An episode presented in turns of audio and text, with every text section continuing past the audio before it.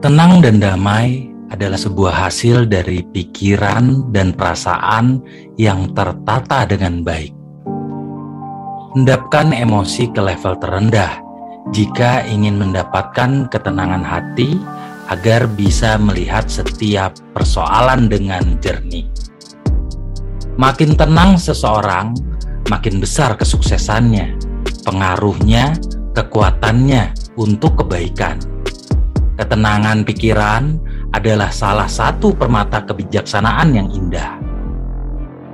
Ketenangan bukanlah kebebasan dari badai, tetapi kedamaian di tengah badai.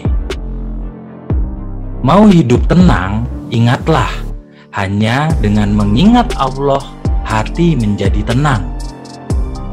Tersenyumlah dalam situasi apa pun tanpa disadari Senyum itu yang akan menguatkanmu dan membuat tenang.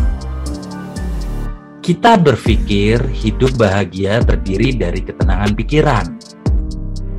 Tenang dan damai adalah sebuah sarana untuk mendapatkan bahagia dan sejahtera. Tidak ada kata yang salah dari menang dan kalah. Yang salah adalah kita mengharapkan kemenangan tanpa mau berjuang.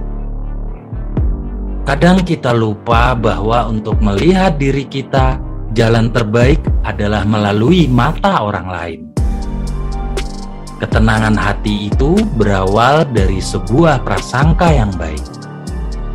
Kedamaian adalah kesederhanaan hati, ketenangan pikiran, ketenangan jiwa, dan ikatan cinta. Tenangkan dirimu dalam segala situasi karena ketenangan adalah kekuatanmu. Ketika kamu melakukan hal yang benar, kamu akan merasakan kedamaian dan ketenangan yang terkait dengannya. Lakukan lagi dan lagi. Buah dari keheningan adalah ketenangan. Rileks sejenak, maka pikiran akan mudah menjadi positif hingga jiwa tenang. Ucapan yang disaring dengan hati akan memberikan ketenangan dan keteduhan hati pendengarnya. Kelebihan kita adalah kita mampu memulai, dan kita juga mampu untuk mengakhiri.